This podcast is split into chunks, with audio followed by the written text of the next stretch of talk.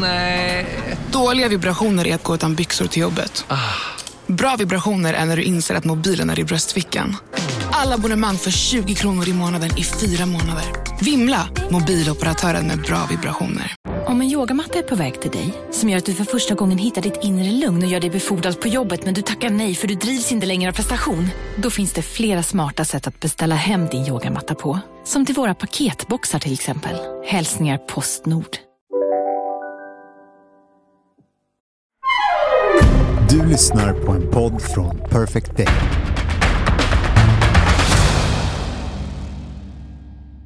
Inför dagens avsnitt läste jag en bok med texter som rörde mig två gånger.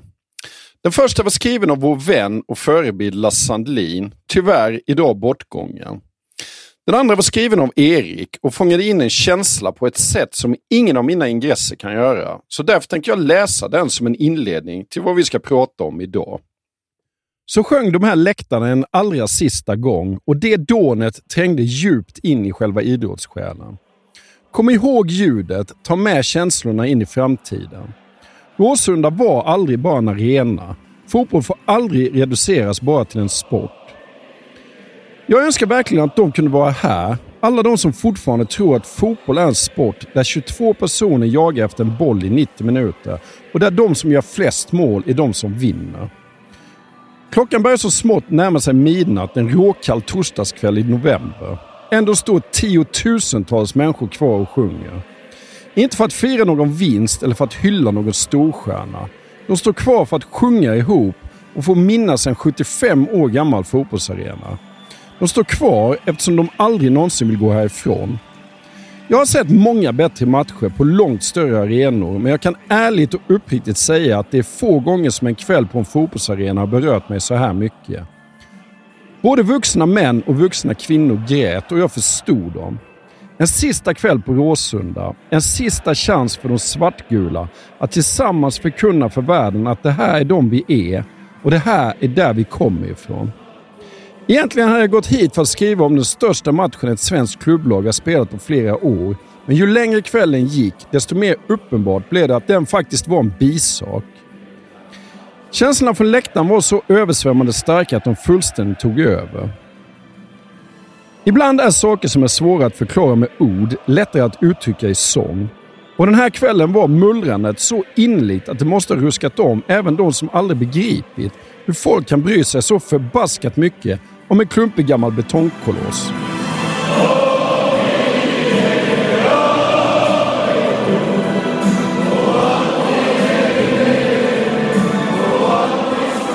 En genuin fotbollsarena är ju så ohyggligt mycket mer än ett byggnadsverk. Ibland kan det finnas både sexism, fascism och våldsromantik där. Visst, men de allra flesta dagar är läktaren en av de mest inkluderade platser jag överhuvudtaget känner till. Där ställs inga ovälkomna frågor. Där är du precis lika välkommen och delaktig oavsett vem du är. Dit kan du komma vecka efter vecka, år efter år, även om sambon har gjort slut eller om arbetsplatsen har varslat eller om tvillingtornen i New York har rasat. Din värld kan störta samman. Din läktare står alltid kvar ändå. Vissa kanske går dit för att fly från vardagstillvaron medan de allra flesta går dit som en självklar beständig del av livet. Störiga, hormonsvallande ungdomar växer upp och får barn och blir lugnare, tröttare och förhoppningsvis lite klokare. En del flyttar till en annan stad eller kanske till och med ett annat land. Men för de som gillar fotboll brukar bekantskapskretsens tydligaste flyttström gå mellan kortsidan och sittplatsläktaren. Den 22 november 2012 kom 28 552 åskådare till Råsunda. Jag är innerligt glad att jag fick förmånen att vara bland dem. Det var visserligen inte min klubb som spelade, men det var min fotboll som spelades. En match med en mening, vattnig öl och skummande blickar. Mörker som bröts av elljus, fuktig luft som studsade mot en sandig plan. I en allt mer individualiserad tid hoppas jag innerligt att framtidens fotboll förblir en kollektiv upplevelse. Att man fortsätter att stå tillsammans på läktarna snarare än att sitta själv i sin stol. Säker är jag verkligen inte, men det blir vad det blir. Framtiden väntar aldrig och det har obönhörligen blivit dags att ta sig dit. Betongskelettet står kvar någon månad till, men imorgon bitti stiger inte längre solen över Råsunda. Fotbollsvärlden har nu blivit en lite mörkare plats.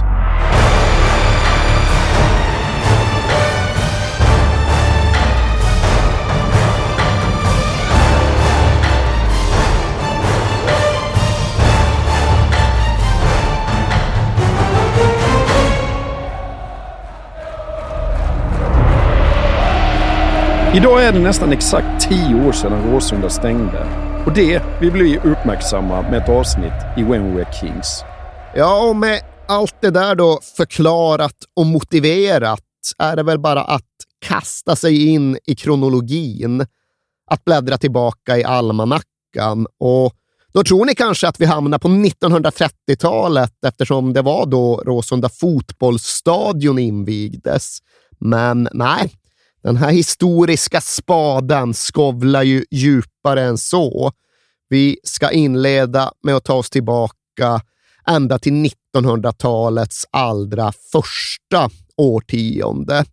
Och när vi tittar så långt tillbaka i tiden, då står vi ju inför en helt annan fotbollssport och för den delen även en helt annan huvudstad. För i den mån den här historien har ett exakt startdatum, ja, då ligger det datumet den 5 september 1909. Då köpte Svenska Fotbollförbundet ett område mark nordväst om centrala Stockholm på 22 000 kvadratmeter. Och de pröjsade 1,80 kvadraten för den här marken la alltså ut 37 000 sekiner, 37 000 svenska riksdaler för det här området. Och Det låg i linje med att Stockholms nya spårvägs AB redan två år tidigare köpt två stora lantegendomar på den här angränsande marken och spårvägsbolagets intention var att smälla upp en ny stadsdel, att bygga en ny förstad ute i Solna. Och den här marken som de hade köpt, den gränsade dels till Råstasjön och dels till Frösunda. Råstasjön, Frösunda, Råsunda. Och där uppstod stadsdelen Råsunda, en plats där ny modern stadstillvaro kom att möta gammalt lantliv. För ja, det var ju då ja, men gammal gårdsmark vi pratade om och därför stipulerades det även tidigt att de boende i Råsunda framöver inte inte fick utfodra sina hästar med hö på gata eller öppen plats. Men det här är då ja, men stadsutvecklingen som ligger till grund för allt. Spårvägsbolaget smäller upp en helt ny stadsdel och i anslutning till detta köper Fotbollförbundet upp sig på en del av marken för att anlägga en ny idrottsplats. Och Det är tydligen den ursprungliga planen. Det är så det omskrivs från allra första början. Och det är den 5 januari 1910 som det skrivs i dagspressen om det kommande idrottsprojektet. Då står det ute vid Råsunda, spårvägsbolagets i stort sett planlagda villastad kommer Svenska Fotbollförbundet att tillsammans med Vikingarnas fotbollklubb under detta år anlägga en fullt modern idrottsplats som en gång färdig kommer att bli den kanske mest storslagna hittills i Sverige. Platsen, som huvudsakligen är avsedd för fotbollsspel, anordnas även med löp och hoppbanor av kolstybb och för åskådarna kommer en täckt läktare rymmande cirka 1300 personer att uppföras. Och här kan vi dra ett par slutsatser. Dels att det är helvete vad invecklat de skrev på den här tiden. För det är inskjuten sats på inskjuten sats, så meningarna tar aldrig slut. Och därefter, det är satan så snabbt de bygger på den här tiden. För okej, okay, det är inte världens mest storskaliga projekt, men det är ändå januari 1910 då det först omskrivs. Och september 1910, alltså åtta månader senare, som de smäller upp den nya idrottsplatsen. För då står kronprins Gustav Adolf, han som senare skulle bli kung Gustav den sjätte Adolf och som på den här tiden var Riksidrottsförbundets ordförande. Ja, då står han där under taket på den nya läktaren som var resultatet av en utpräglad snickarglädje. Den var sommarstugemålad i ljusgult med vita knutar och tvärslåar. Och det låter väl som något som låg i linje med den här lantliga traditionen ute i Råsunda. Men vi får även lov att konstatera att det tydligen hade blivit en del små förändringar och korrigeringar från den ursprungliga planeringen. Dels hade den stora läktaren svält i allt sin snickarglädje. De hade väl fått feeling, de här snickarna, ja. och plötsligt så rymde den 2000 åskådare snarare än de tilltänkta 1300.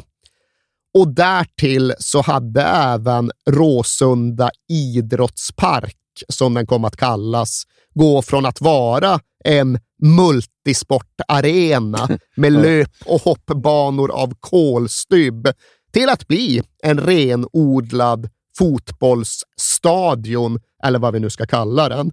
Ska i och för sig sägas att i anslutning till den här invigningsceremonin där kronprins Gustav Adolf stod och mässade, ja, där hade de även gjort plats för fotlöp 20 kilometer jag vet inte fan vad det är. Är det gammal gång eller? Fot... Ja, nej, inte vet jag. Fotlöp 20 kilometer. Låter inte så roligt. ja, det måste ta två mil. Det måste ta lång tid. Men, ja, det var en del av invigningsceremonin, men därefter tackade Råsundra idrottspark i praktiken övriga sporter för visat intresse och övergick till att bli en idrottsplats vigd åt fotbollen.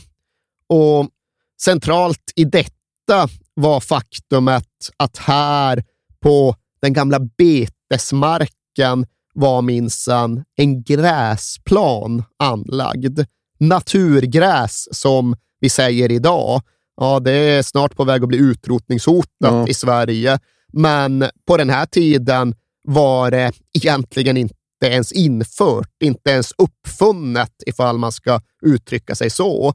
För den nya, unga sporten fotboll, den hade fram till och med detta i grund och botten mest spelats på grus och på jord och på asfalt i Sverige.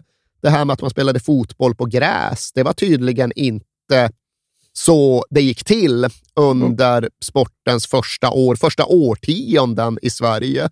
Nymodighet från England som ja, det mesta? Ja. Som man då förlade till grusytor.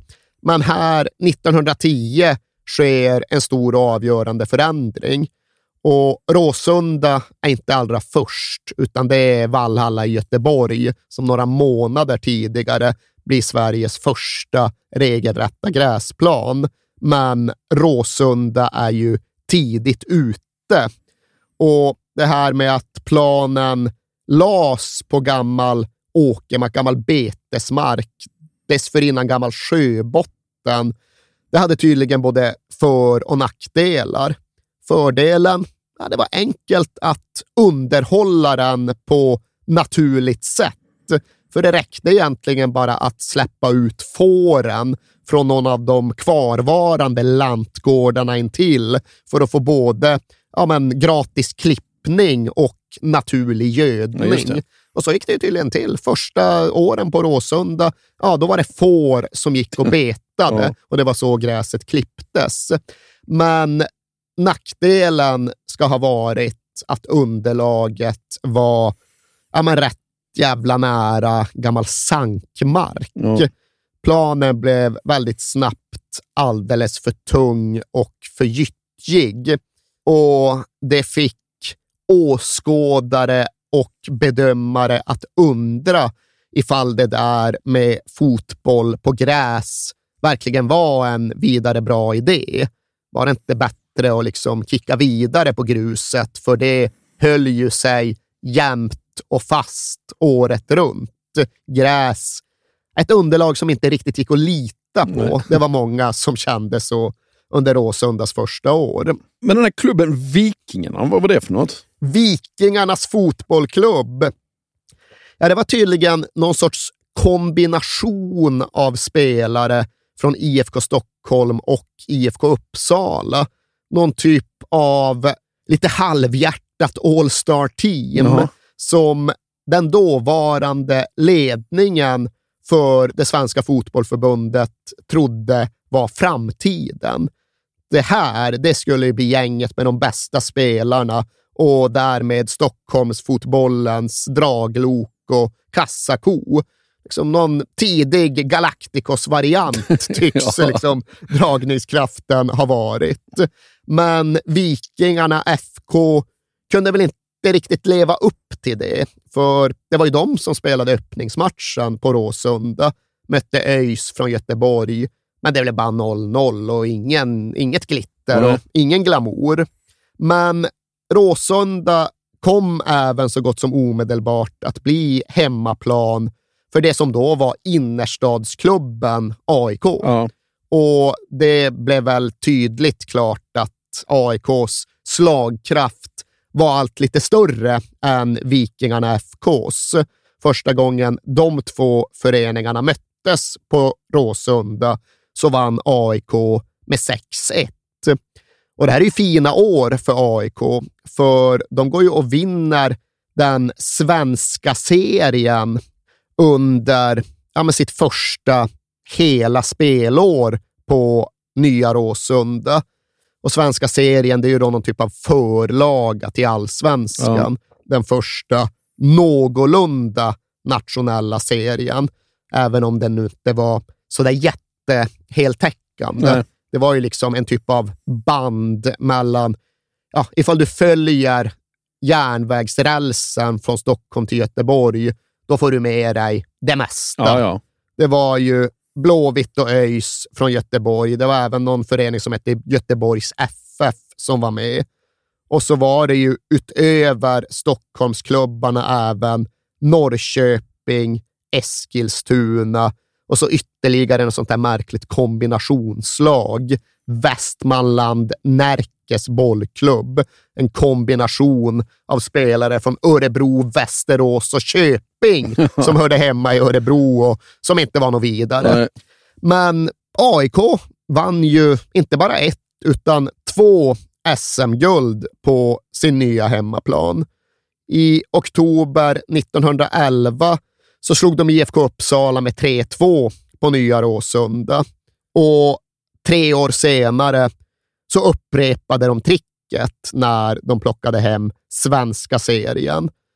Och ja, 5 000 åskådare, är det en bra eller en dålig publiksiffra tycker du? ja, med tanke på att den bara tar in 2000 så är det väl Ja, men det var ju den bra. stora läktaren. Jaha, Sen så hade de är ståplats. runt. Ja. Ja, alltså, de Ja. hade tydligen en totalkapacitet på uppemot 12 000. Jaha. Så det rymdes hyfsat med folk eh, runt den här gyttjeplanen. Ja, 5000 med illa. Nej, alltså det var ju bättre än vad till exempel svenska landslaget hade när de spelade på Råsunda. För det gjorde de. Redan 1911 så var det Sverige-Tyskland på den här arenan. Och av någon jäkla anledning går Sverige ut till den här matchen och spelar i rött och vitt. Och det är inget som det går att få någon begriplig förklaring till i historieböckerna. Men då är det bara 3000 som släpar sig ut för att se det här rödvita svenska landslaget. Och detta bidrar ju till att det tidigt ändå blir en en sorts fiaskostämpel över denna Råsunda idrottspark.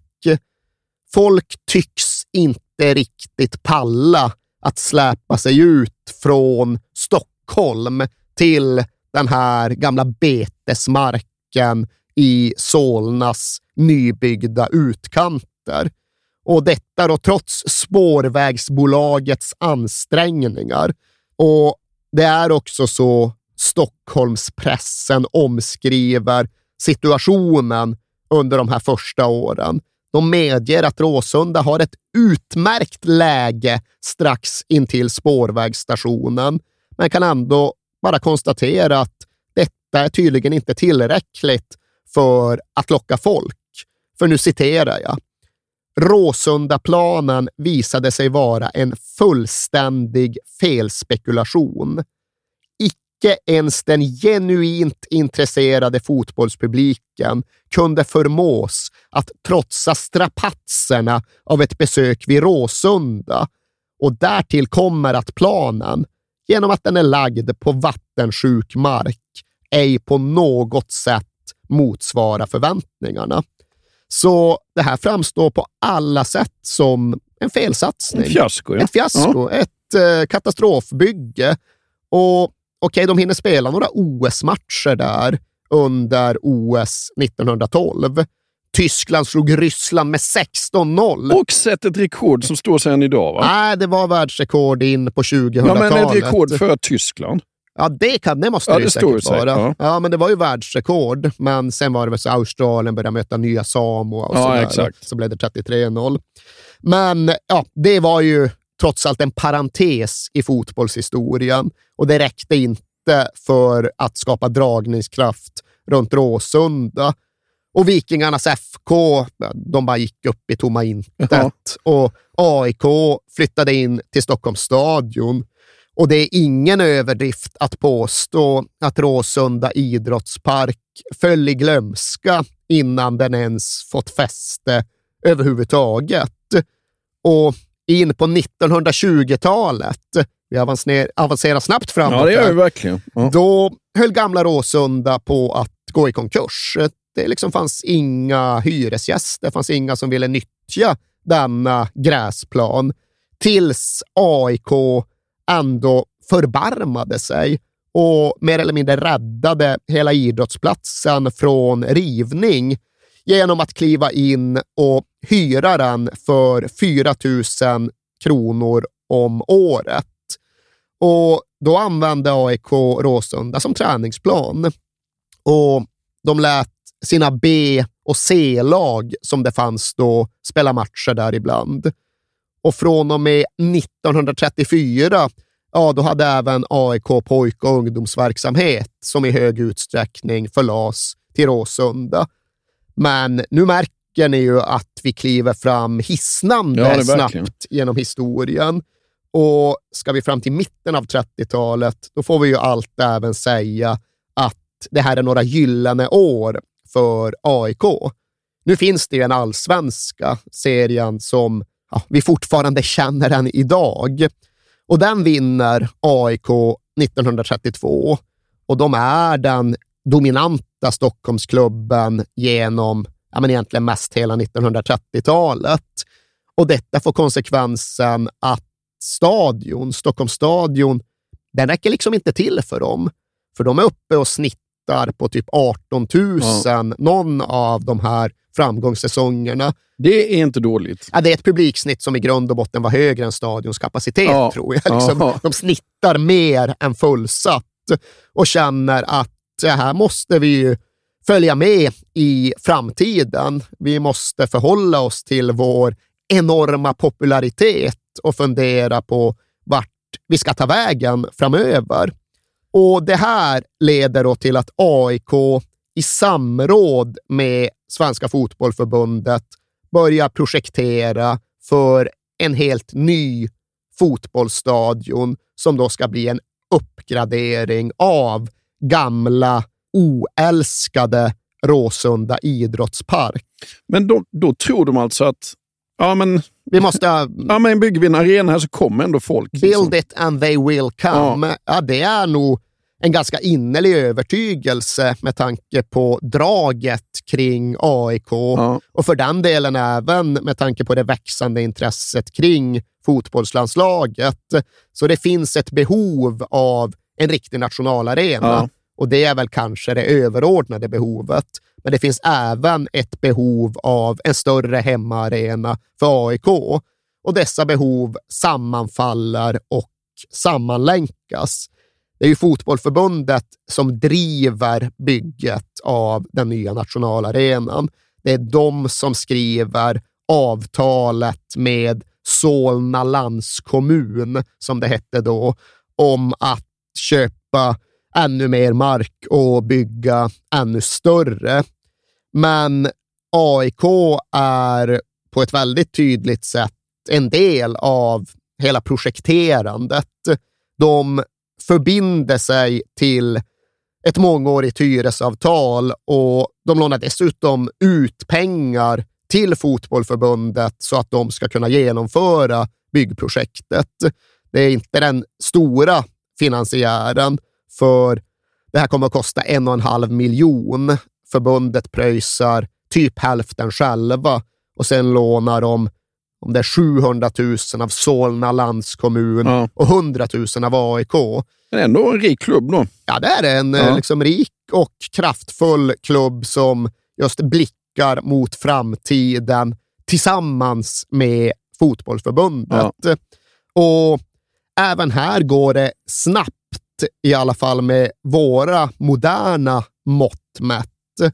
För avtalet skrivs då alltså i mars 1936 och beslut tas på att det ska uppföras en riktig fotbollsstadion med Highbury i London som förlag och modell. Och sen tar det bara ett år så står denna toppmoderna fotbollsstadion klar och redo.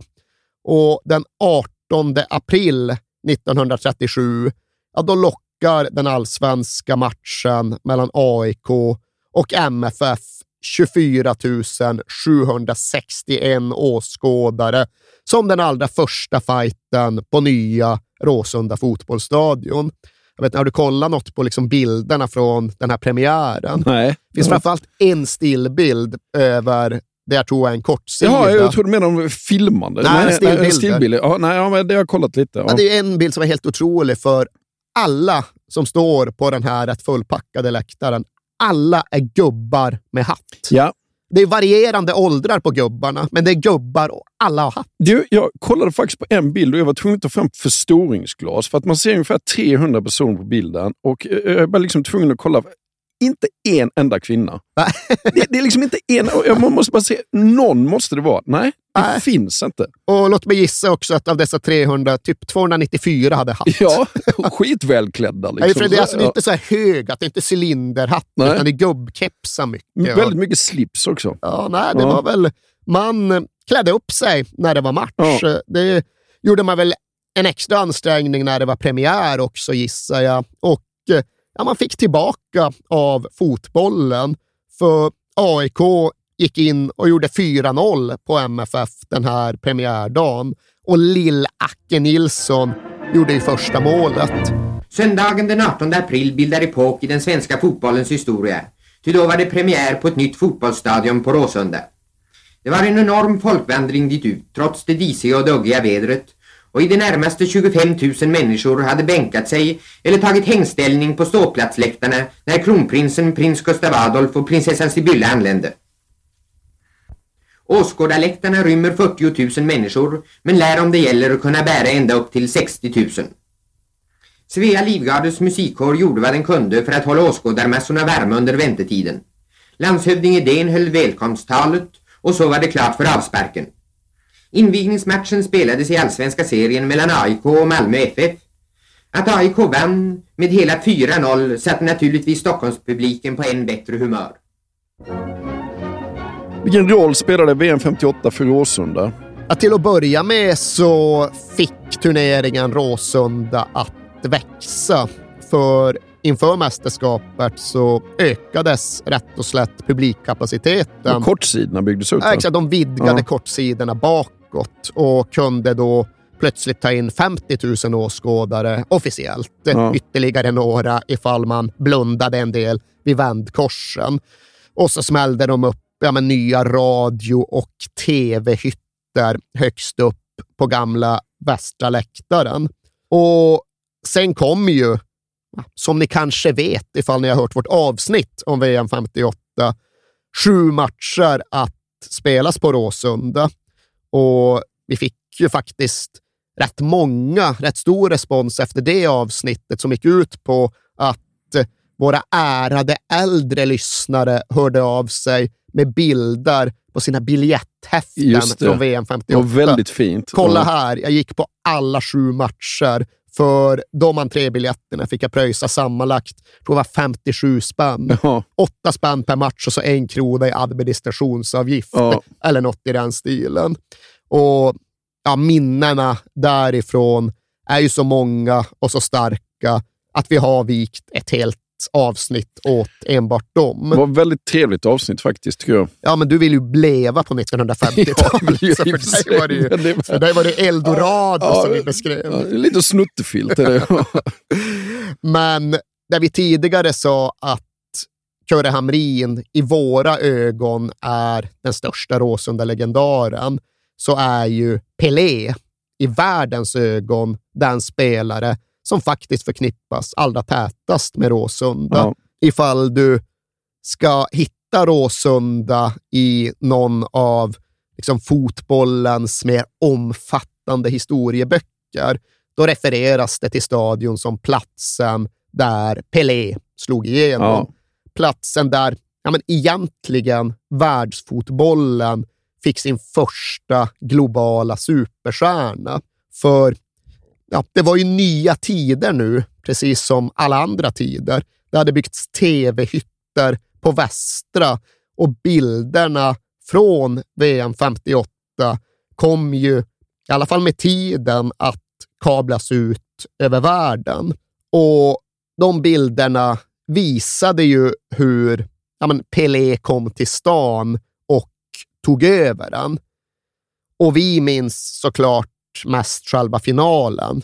Eller ja, minns och minns. Vi har sett flest bilder från själva finalen. Mm. Men grejen är ju att semifinalen nästan var en ännu större Pelé-match. I den gör han ju hattrick mot Frankrike. Mm. Enbart i andra halvlek. Och liksom bara det räcker ju för att skapa en 50-tals-hype kring den här 17-åringen. Liksom en 17-åring gör hattrick och avgör en VM-semi mot Frankrike. Ja. Det är en rätt stor grej. Verkligen. Och sen går han in och egentligen upprepar det i själva finalen. Två mål, varav ett är någon typ av liksom magisk drömmål där han lobbar över en back och skjuter volley. Men det är ju världens bild av Råsunda. Det är en 17-årig Pelé och ärevarvet som han och lagkamraterna sen springer med den svenska flaggan. Det tycker jag är lite speciellt faktiskt. Det är ju speciellt. Liksom. De springer med svenska flaggan. Ja, men det är som jäkla förbrödring och de är ju också så hypade för att de får träffa den svenska kungen. Ja. Det är tydligen stort för brassar. Ja. De, de, har respekt för monarkin ja. av någon obegriplig anledning. Så det är ju...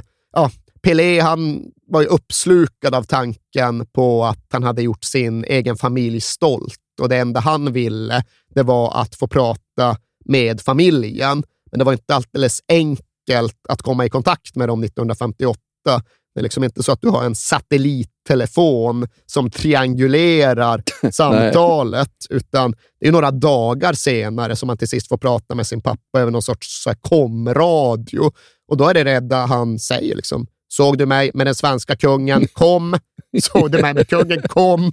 Det är, liksom, det är det som är så stort. Har fått träffa kungen och det är klart att man då springer varv med en blågul fana. Oh. Men om världen förknippar Råsunda med Pelé så har även fotbollsstadion i Solna en väldigt speciell plats i Pelés eget hjärta. Han gör ett stort nummer av Råsunda. Han har ju varit tillbaks jag ska inte säga massor av gånger, men ja, tal, ett talrikt antal gånger. Det finns ju sådana här väldigt fina bilder när han är tillbaka med de svenska VM-spelarna. De är väldigt gamla, men Ja, de är ändå... Ja. Det var ju anslutning till ja, men avskedsceremonierna 2012 och då fick jag faktiskt hänga lite med Pelé i Ja. anslutning till det. Hur var det sättet då? var ju såklart värde. Ja, men alltså, han, var ju, han var ju rätt mycket uppe i det blå, Ja. men det har han ju väl all rätt att vara. Ja, ja, verkligen. Men eh, ja, det är ett starkare minne för mig än för Pelé, men han värdesatte ju att komma tillbaka. Som sagt, att hälsa på de ja, men jämnåriga eller de VM-spelare som fanns kvar ja, men nästan 55 år senare. Och, ja, det var sista gången han var på Råsunda där 2012, men han var ju tillbaka 1966 med det brasilianska landslaget och spelade om någon så här liksom uppvärmningsmatch inför VM i England på Råsunda. Han var där i mitten av 70-talet med New York Cosmos. Han har säkert varit på ytterligare besök som gått mig förbi Ja. under 80 och 90-tal, men han återvände alltid till Råsunda med glädje. Och det tydliga bandet mellan en av de allra största och en specifik fotbollsstadion som inte är en hemmaplan. Jag vet inte om det riktigt finns med någon annan jämförbar spelare. Liksom, vilken är Cristiano Ronaldos plan? Nej. Vilken är Leo Messis arena? Det är väl möjligen Azteca-stadion med Maradona. Då. Ja. Men det är inte riktigt samma grej just för att Råsunda, det var platsen där Pelé slog igenom. Ja. Det är platsen där Pelé erövrade världen. Det är platsen där Pelé blev Pelé. Och ja, men någon, någon motsvarighet kan jag inte riktigt finna.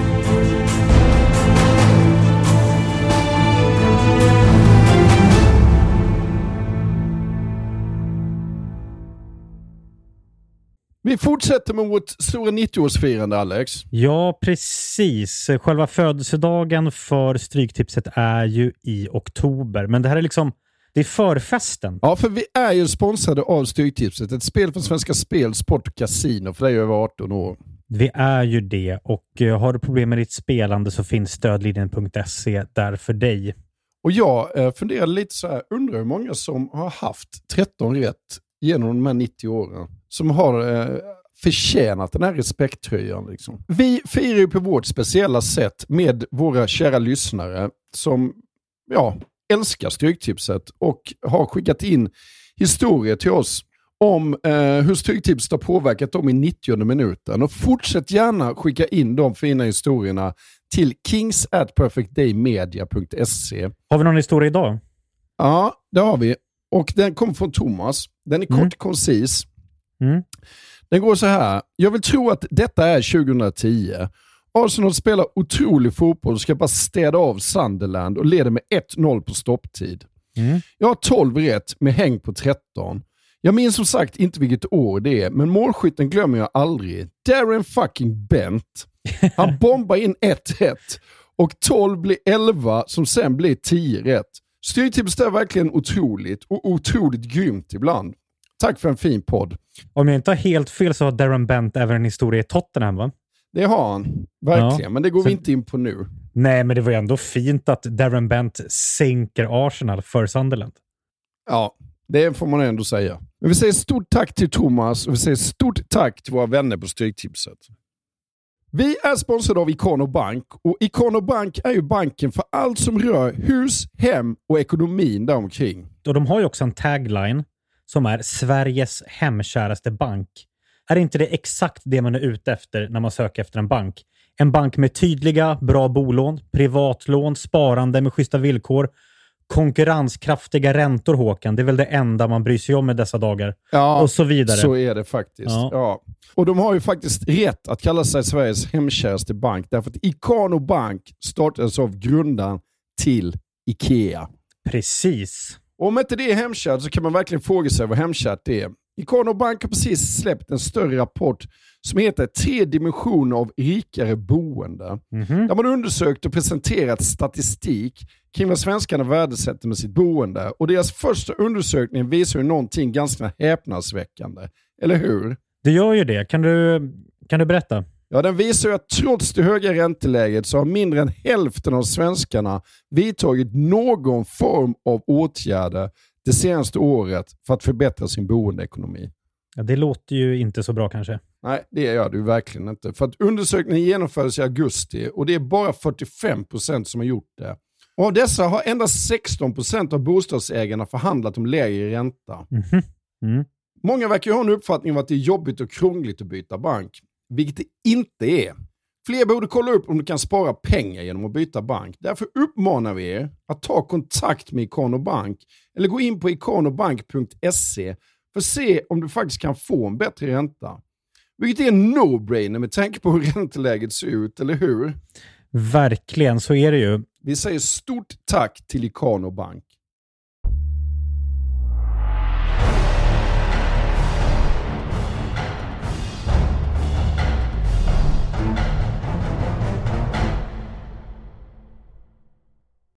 Alltså 1987 snittar AIK hemma 4 433 åskådare. Ja. Det är rätt otroligt faktiskt. Ja, det är inte skitbra, men ja, något som hände under just 1987 det var ju i alla fall att Black Army återuppstod på, jag vet inte om vi ska säga gott och ont, men på ett sätt som skulle få betydelse.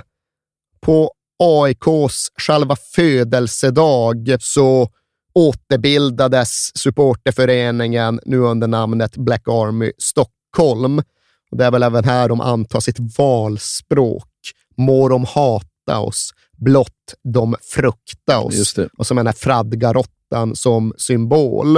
Och ja, Det förknippar jag ju såklart instinktivt med just Black Army. Jag hade faktiskt ingen aning om att det i själva verket var min gode vän och gamla kollega Bosse Pettersson med tränarkollega som tagit fram både paroll och råtta Jaha. till det allsvenska fotbollsåret 1979.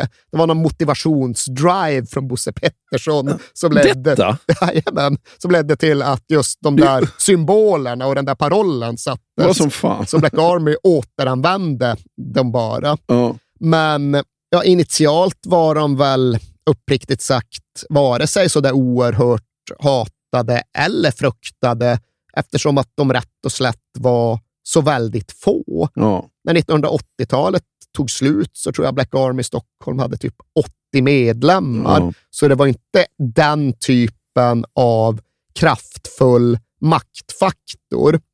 Och det är också ja, men här någonstans som jag besökte Råsunda för allra första gången. Och det blev ju fördröjt eftersom att jag växte upp där jag växte upp. Jag hade 130 mil till Ja. Råsunda. Ja. Det var inte så att man bara kvistade förbi. Det var inte så att man tog cykeln och ställde den mot väggen utan att låsa den och sen cykla hem igen. Nej. Och jag var tvungen att kolla det där, för jag minns ju matchen, men jag hade lite fel på datumet. Jag trodde verkligen att det var 80-tal, att det var 89. Men det visade sig vara den 22 juli 1990 som jag gick på Råsunda för att se AIK spela mot Gais. Jag kommer ihåg det där, för en del av min släkt kommer från Uppsala och vi utgick från Uppsala och jag tjatade med mig farsan. Han fick köra bilen från Uppsala till Solna och vi kom dit och jag liksom försökte förhoppningsfullt ändå liksom, ant- liksom kolla mig omkring. Och, "Ah, det verkar bli ganska mycket folk. Va? Ja. Och ja, med Malmbergs mått mätt så var det väl rätt mycket folk i rörelse, men farsan bara skakar på huvudet. Och jag kommer in och jag Parkerar minns... precis utanför ingången. Typ. Ja, nej, men verkligen, alltså, jag verkligen ställde bilen extra. Typ. Men jag minns ju jag minns målen.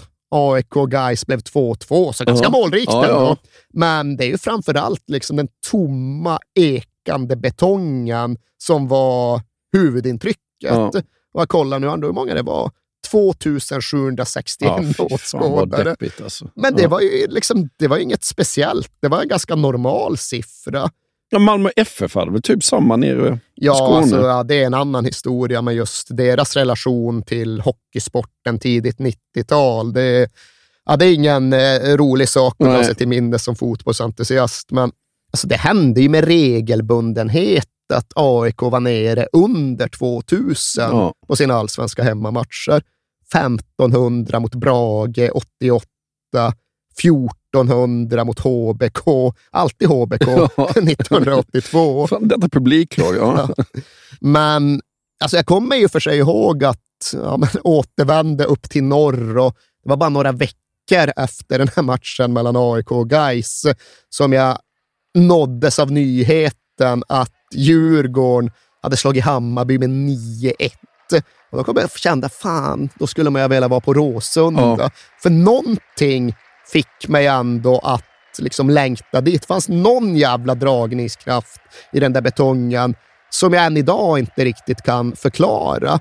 För jag minns också att när jag sen började åka lite mer regelbundet, och det här är inte ofta, det här kanske tre, fyra gånger om året, tidigt 90-tal, så hade jag ju intellektuellt jättesvårt med den där miljön.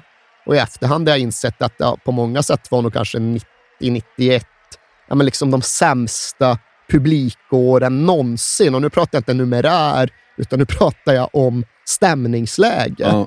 För det var ju nazi-skinheads som i hög utsträckning dikterade villkoren på Norra Stå. Ja. Så, så uppfattade jag det i alla fall. Det kan finnas andra uppfattningar som är mer heltäckande, men liksom första gången jag gick på Norra var jag livrädd ja. för att det tydligt var just nynazister som stod och kontrollerade och kommenderade. Och det är liksom bombajackor och kängor och liksom häcklande av ja, men det ytterst begränsade antal mörkhyade eller svarta som visade sig antingen på plan eller på läktarna. Du, kom du ihåg den här dokumentären som SVT gjorde som heter Skinheads? Ja, inte specifikt. Ja, de följde eh, skinheads i Stockholm och alla var ju, alltså, de var ju aik och man fick följa med in på Johanneshov också. Det var precis den här stämningen du sa.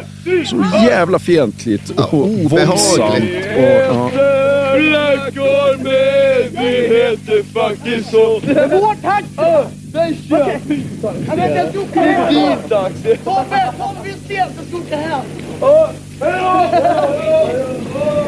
Nej, det var någon som startade, satt, började tjata på mig inne på toaletten. Ja, jag sa någonting om andra världskriget. Då kom han med antydningar om nazisterna och skit. Då vart jag skitförbannad. Så jag gick, det gick och bubblade upp inom mig. Så tänkte jag, den jäveln vill jag ha tag i. Fan. Och sen när jag kommer ut på läktaren, då ser jag att han står där. Jag tittar på honom en lång stund. Jag tycker att det gick jätte, jättelång stund. Och då är det någon som skriker så här, så ramlar vi ner för hela läktaren. Och sen, sen när jag kom ner liksom så kände jag så här att, vad fan håller jag på med? Jag lägg av tyckte jag. Och han ville inte heller bråka den killen. Han var helt oskyldig. Helt. Får inte sådana där händelser där liksom Ångest. Jag får ångest. Så otroligt. Sådana grejer då tänker jag så att vad fan håller jag på med? Jag måste vara totalt dum i huvudet. Men ändå går du ut och krökar nästa kväll? Ja, men det har blivit... Det går inte. Jag kan inte sluta dricka. Jag kan inte gå ut bland folk. Det... Om jag inte dricker någonting. Det här är ja, men mina tidiga tonår, så det är här jag någonstans börjar forma mig, min egen världsuppfattning och därefter någon form av liksom syn på både ideologi och humanism. Och det är inte för mycket att säga att jag hade rätt stora problem med den svenska ja. nynazismen. Det var inte där jag kände mig hemma. Ja. Men på något jävla sätt så vill jag ändå alltid tillbaks till Råsunda. Ja. Det är liksom hat hatade många av dem som stod där och åsikterna som de visade upp och kände ingenting för fotbollslagen, oavsett om det var AIK eller Djurgården eller några av de andra. Och sveptes ju inte iväg av någon förtrollad stämning eller någon. Det fanns liksom ingen Det visar att du är väldigt speciell. Du har 130 mil dit. Fotbollen som spelas är skittråkig. Det är inget folk där och de som ändå är där är liksom nynazister. Men du ska dit. Ja, nej, jag, jag kan, idag kan jag inte riktigt få grepp om det och det kanske är tur det. Men sen hände det ju också grejer med läktarkulturen och läktarupplevelsen på Råsunda. På säga, det går sig både positivt och negativt på den förändringen.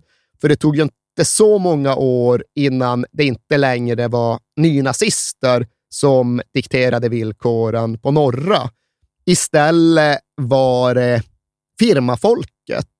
För det är också just de här åren, jag tror det är väl 91 som gamla Rötäggers byter namn och estetik och blir firman Boys. Ja, och för många var ju firman Boys såklart skräckinjagande som satan och jag har ju aldrig någonsin haft någon dragning till fotbollsrelaterat våld. Liksom. Det har aldrig varit min grej. Men jag minns ändå att jag ganska tydligt kände mig mer bekväm med dem än med nynazisterna Ja. som någon form av läktarledare. För ja, men här kom i alla fall inspirationen från fotbollskulturen snarare än från Nürnberg. Liksom. Ja, jag, jag hade ju också börjat åka på en del engelsk fotboll och jag hade liksom begripit mig på den, ja, men de hederskoder som ändå gällde inom firmakulturen. Liksom när just AIK-grabbarna började vända ut och in på sina bombarjackor och liksom visade det här orangea fodret och började använda det som signalfärg. Jag fattade ändå vad det var. Ja. Liksom, att ja, det här är från sydeuropeiska läktare. Ja. Det är inte heller något som är knutet till folkmord. Liksom. Nej, nej. Och ja, För mig var det lättare att komma till tals med.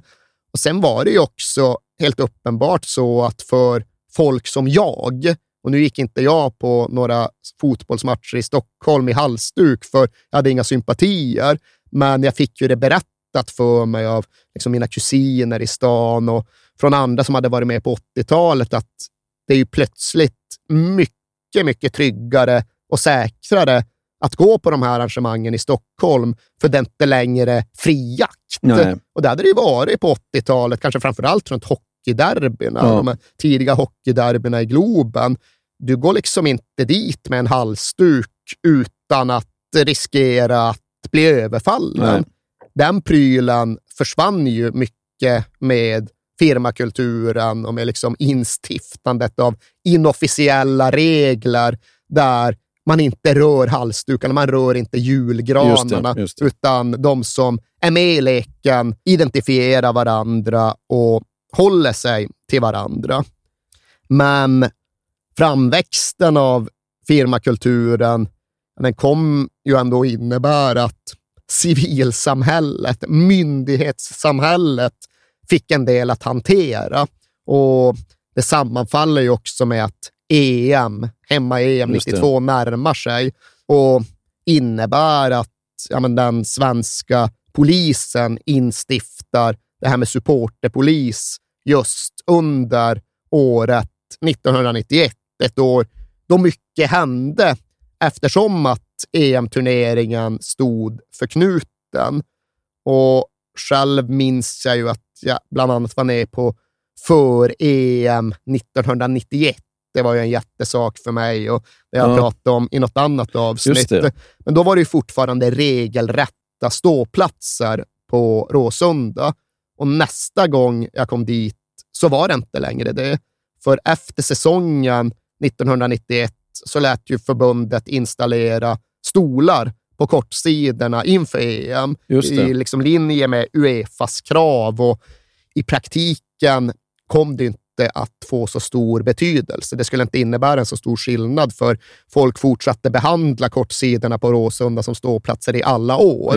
Men på förhand så var det en stor sak som väckte stor oro i, ja, men kanske framför allt ett Black Army som nu växte snabbt och som i alla fall på vissa sätt blev allt mer välorganiserat. Du var inte på det där förra du fick se en sån jävla skitmatch? Jo, jo, jo. Var, vilken var det? Det var ju oberoende staters samvälde som jag tror att Sovjet hade hunnit bli mot Italien. Ja. Och Italien hade ju förvisso liksom kanonkarismatiska Ja. spelare, men vi hade ju hoppats på att få se Sverige spela och inte oberoende staters samvälde. Ja.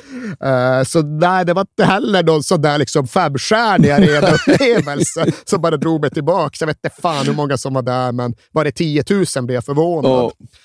Men oaktat detta så gick det ju att skönja tydliga tecken på en läktarkulturell fotbollsaktivism då Black Army kanske inte försökte försvara sin ståplatsläktare, men i alla fall gjorde väsen av sig när den försvann.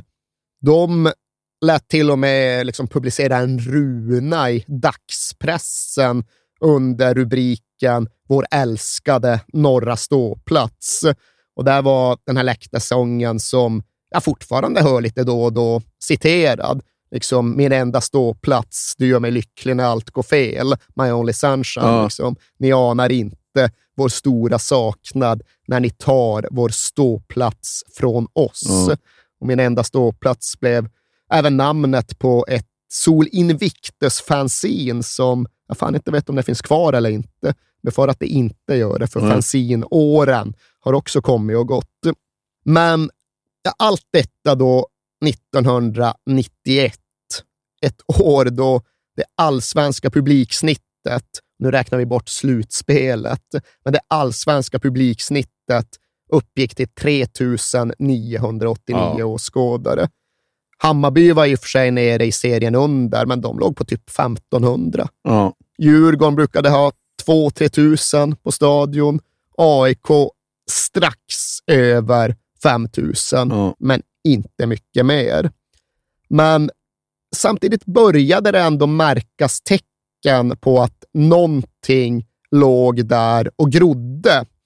För ja, men det började bli en tydlig kontrast mellan hockeyn och fotbollen igen.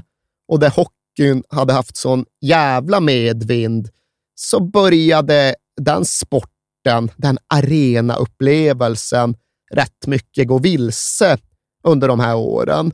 För liksom hockeyn i Globen tidigt 90-tal, det var ju ännu mycket, ambitionerna var ännu mycket mer amerikanskt tingeltangliga Ja. än de är idag. De liksom virrade in sig helt i någon typ av amerikansk corporate-kultur, samtidigt som fotbollen, ja, om inte annat, fortfarande var sann och äkta, inklädd i grå läktarbetong.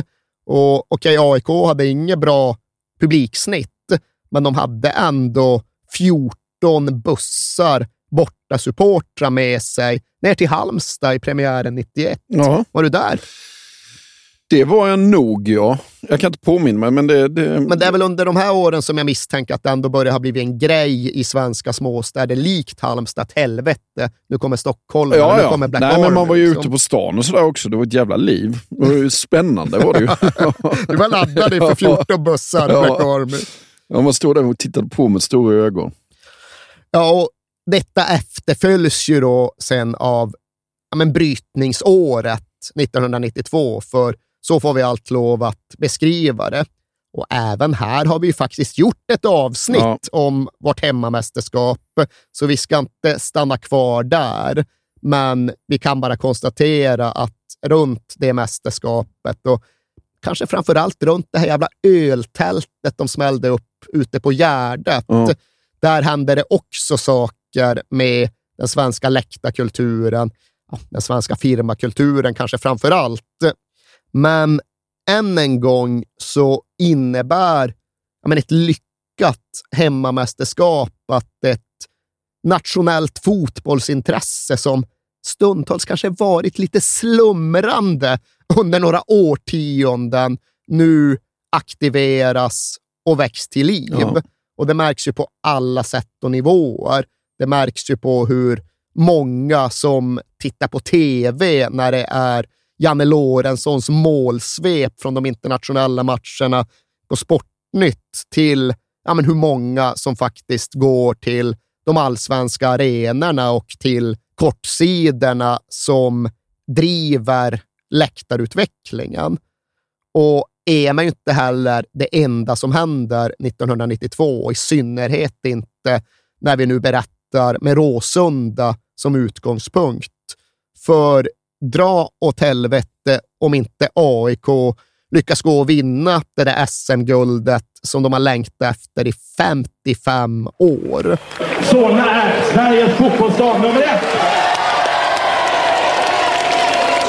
Jag trodde inte det fanns så många aik Vi har skakat om många AIK-hjärtan, både här i Solna, Stockholm och i hela Sverige. Skolungdomar i massor hade fått eller tagit ledigt ifrån skolan. En annan variant var för lärarna att ta med sig klassen. Ja, eftersom jag är gymnastiklärare då, så tänkte jag att jag tar väl med mig barnen hit och firar AIK då som har lite med gymnastik och idrott att göra då. Hörrni, vad, vad är det här för lektioner egentligen? det är lite AIK-lektioner fattar du väl? Ja, just det. Ska, vi ha, ska ni ha sånt här på schemat? Ja, det ska vi! 840 Black Army-medlemmar var uppe med tuppen igår morse. Prick 6 rullade det chartrade tåget söderut mot Malmö. Passagerarna hade guldvittring. Det är klar vinst. Klar vinst. Det är ingen, ingen tvekan. Allmogen hukade i stugorna längs stambanan när Black Army-expressen dundrade fram. Men trots att många hade styrkt sig ordentligt hade de hörsammat generalorden. Inget bråk. Det kommer inte hända. Det är jag 99% säker på. Så. Det måste fungera. Annars är det sista gången vi åker. Överhuvudtaget. I några vagnar fanns det gamla AIK-spelare och föräldrar till Black Army-medlemmar. Vi får vara med och dämpa de gamla gubbar här och försöka hålla lite ordning på det. Jag tycker att eh, det nu finns skäl att eh, ställa upp och visa att eh, Black Army behövs. Men det är också att naturligtvis eh, ta ett ansvar som förälder och visa att eh, eh, det ska naturligtvis gå skjuts till. Och sen var det match. 1-0 på straff, Vadim Jevtusjenko.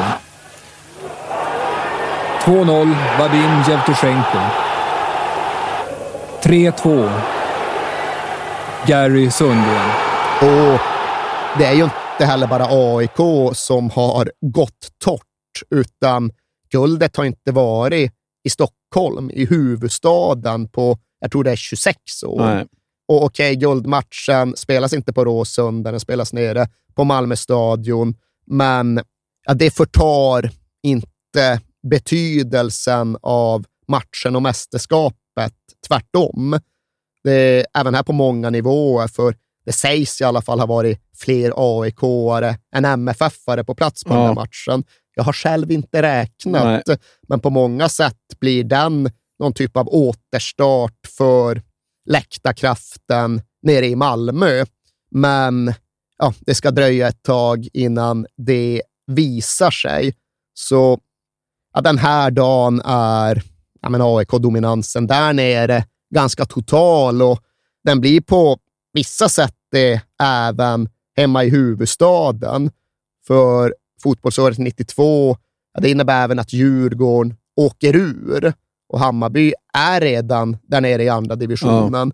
Så 1993 så får de tröska på där medan AIK får möjligheten att börja resa ut i Europa. Ja. Och det innebär inte enbart ljusa saker. Det innebär bland annat ett nedbränt församlingshem utanför Norrköping Ja. när Gnaget är på väg mot Århus. Men det betyder ju också att de får åka till Prag och att de får åka till Parma och att de därigenom kan hämta in läktarinfluenser som ju inte spred sig lika lätt och dynamiskt före internet som Nej, de gör precis. idag.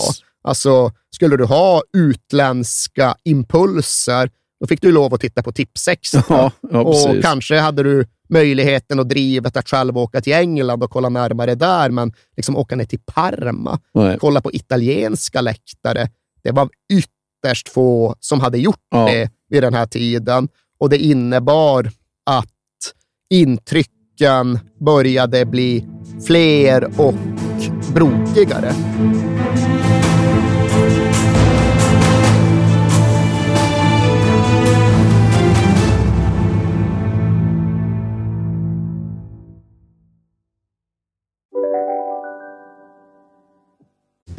Hej, Synoptik här. Så här års är det extra viktigt att du skyddar dina ögon mot solens skadliga strålar. Därför får du just nu 50% på ett par solglasögon i din styrka när du köper glasögon hos oss på Synoptik. Boka tid och läs mer på synoptik.se. Välkommen! Hej, Synoptik här. Visste du att solens UV-strålar kan vara skadliga och åldra dina ögon i förtid? Kom in till oss så hjälper vi dig att hitta rätt solglasögon som skyddar dina ögon. Välkommen till Synoptik. Här sitter jag i en ljudstudio tillsammans med ett sjölejon för att berätta att McDonalds nu ger fina deals i sin app till alla som slänger sin takeaway förpackning på rätt ställe. Även om skräpet kommer från andra snabbmatsrestauranger, exempelvis Eller till exempel Ja, precis. Men nu är vi framme hösten 2012 och det är dags för ett tårfyllt farväl. Va? Tårfyllt och utdraget. För precis, ja, men egentligen som i alla tider, så var det ju två, jag vill inte säga hyresgäster, men två hemägare som skulle ta farväl var och en för sig. Och först ut var det svenska fotbollförbundet och det svenska herrlandslaget. Det är lite, är det inte lite, det är jäkligt skevt det där att Råsunda så tydligt var hemmaarenan för det svenska herrlandslaget, men knappt alls för det svenska damlandslaget. Nej. Herrarna spelar 195 A-landskamper där, damerna spelar fyra. Ja. Och även om damerna hade sitt VM här 1995 och även om vi därigenom ja, men fick se flera av de riktigt stora damspelarna också på Råsundas gräs, så är det ju liksom listan över herrstjärnor som ja, men faktiskt får en att baxna lite grann så här i efterhand. För ja, men åren fram till och med 2012, det var egentligen en spelare som saknades och det var ju Diego Maradona. Ja. Han spelade, så vitt jag vet, aldrig på Råsunda. Finns det någon undanskymd gammal folksam match så hoppas jag att någon uppmärksammar mig på det. Men alla andra spelade ju där. Ja. Liksom för min egen del, jag får ju erkänna att liksom min fotbollshistoria, den sträcker sig i grund och botten tillbaks till andra världskriget. Ja. Tiden före det, jag är rätt svag där. Det, det är inte alls vad det borde vara. Du är ändå 30 år bättre än jag. Typ. Ja, jo, det må vara, Ja. men det, det gäller på mer än ett sätt. men tar du liksom efterkrigstiden och framåt, alltså alla har ju varit på Råsunda. Stanley Matthews och Tom Finney från England. Ja, Di Stefano och Ferenc Puskas från det Real Madrid-laget och Pelé och Garincha från brassarna. Lev Yashin var ju också där under VM och sen kom Bobby Charlton och George Best och efter dem kom Johan Cruyff och Beckenbauer. Sen var det dags för de franska tiorna, Platini, Zidane och sen kom brassarna. Liksom Ronaldo var där, R9, Ronaldinho var där, Neymar han ju dit eftersom att han spelade i den här allra sista Var Messi där? landskampen. Messi var ju på en av de första matcherna på Friends. Jo, det vet jag. Men de var aldrig på Råsunda. Aldrig på. Räknas inte riktigt som hans tid. Cristiano Ronaldo var ju där. Ja. Lite så att Råsunda var före Messi, säger jag samtidigt som att jag vet att det inte är riktigt sant. Men man vill ju anpassa statistiken Ja, så mycket ja, man ja, kan ja. i sin Ja. egen riktning. De två stora argentinarna var aldrig där. Nej, faktiskt. Det är väl summeringen, men alla andra var fan på plats. Och ja, förbundets avskedsmatch, den baserades ju på en passning tillbaka i tiden till VM-finalen 1958 och liksom det stora brasilianska världsövertagandet. Och det var ju i samband med det då som Pelé kom och gled runt. Just och. Ja, som Neymar sen ändå stängde landslagskapitlet av Råsunda. Men jag behöver ju inte vara aik för att känna att det inte var det stora, det riktiga avskedet. Och det var det ju de facto inte heller, Nej. för det återstod fler matcher att spela på Råsunda. AIK skulle spela klart en säsong som, så vitt jag minns det, och här kan jag fel, men så vitt jag minns det så ägnade de alla sina tifon under hela 2012 på ett eller annat sätt åt Råsunda fotbollsstadion. Och naturligtvis det liksom allra största och viktigaste tifot av dem alla. Jag tror det var liksom det mest omfattande tifot i AIK-tifos historia fram till och med det. Ja, det skulle ju arrangeras till den definitiva slutpunktsmatchen mot Napoli. Och jag vet att det höll på att blåsa bort natten in mot match, för det var ju sent i november. Det var Just det. ruggigt som satan. Men de fick mobilisera och liksom alla man på däck och alla händer vid pumpen, för det här tifot måste räddas. Och räddat blev det och berörande blev det. när AIK marscherade in en sista gång under parollen legenden om Råsunda förevigad med tiden, när svartgula själar tar vid i himlen. Och idén som det där tifot byggde på, det var någon sorts liksom, svartgul bild av efterlivet. När allt detta är slut och över, ja men då får vi stå på Råsunda igen på andra sidan Ja. och där se en drömelva av aik från alla tider. Vad fint. Ja. Det var ju de här Isidor Berens och Putte Kock och Garvis och Mona Lisa och alla de du vet. Ja. Och det var ju verkligen så att när matchen sen spelades så var inramningen så majestätisk. Det var det verkligen. Att det kvittade fullständigt att Cavani kunde slå in en straff i 92 Ja. och på så sätt stänga Rås. Det var underordnat. Ja. Liksom vadå, tror ni att en match betyder någonting? Tror ni att ett slutresultat betyder någonting i jämförelse med allt det här andra? Och mot min uttryckliga vilja så drev du igenom att inleda det här avsnittet med Ja. några citat från den krönika jag skrev den där avskedskvällen. Ja. Det kändes obehagligt, men ändå bra att ha det avklarat och överstökat så behöver jag inte sitta här och liksom klafsa runt i mina egna minnen från den där allra sista kvällen. Utan jag kan istället lämna över ordet till Lennart Johansson som skrev förordet i det allra sista matchprogrammet. Och Lennart Johansson, där han var på den allra första matchen på Råsunda. Han var även på den allra sista. Han hade varit där hela vägen, 75 år, med Råsunda fotbollsstadion, alltså hans eget diamantbröllop. Och han skrev så här. Imorgon finns Råsunda inte längre kvar, där det känns som att Råsunda alltid har stått.